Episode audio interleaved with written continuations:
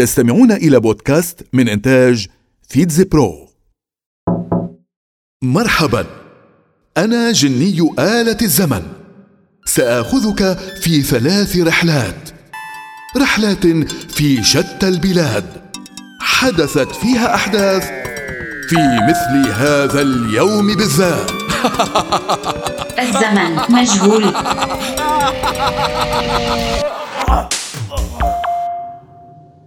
أنا الجيش الإيراني. أحد أجزاء القوات المسلحة الإيرانية. أنا مكون في الأساس من أربع فروع. دعني أحدثك عنها. أولا القوى البرية وهي أعظم قوة مسلحة في البلاد. قوامها حوالي 700 ألف جندي.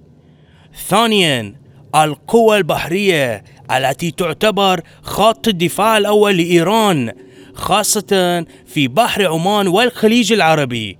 ثالثا القوات الجوية التي تم تأسيسها عام 1925 أما رابعا فهو مقر خاتم الأنبياء للدفاع الجوي الذي يقوم بمراقبة الشؤون الدفاعية البرية للقوات الجوية. هذا اليوم من كل عام هو يومي الخاص. يوم الجيش في البلاد حيث تقوم إيران باستعراض إنجازاتها العسكرية بالإضافة إلى عرض لأحدث منظوماتها العسكرية. 1960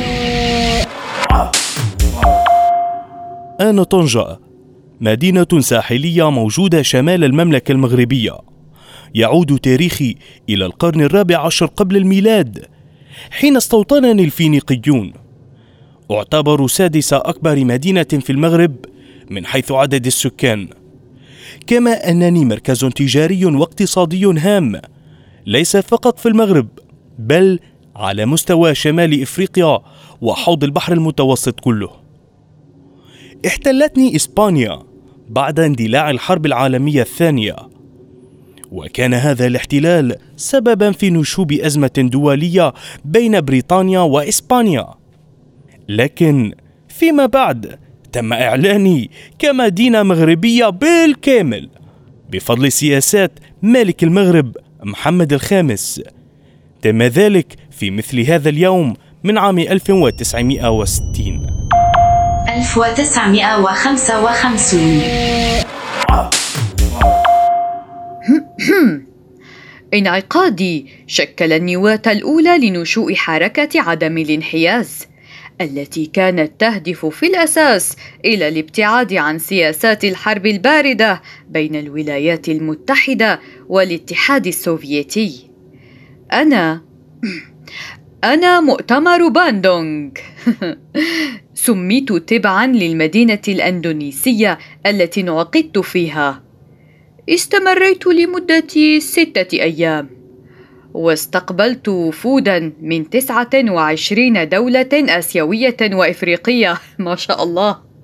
شارك فيني الرئيس المصري جمال عبد الناصر ورئيس وزراء الهند جواهر لال نهرو والرئيس اليوغسلافي جوزيف تيتو والرئيس السوداني إسماعيل الأزهري. مم.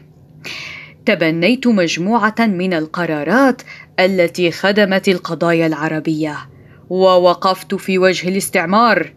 كان ذلك في مثل هذا اليوم من عام 1955 العودة إلى الواقع.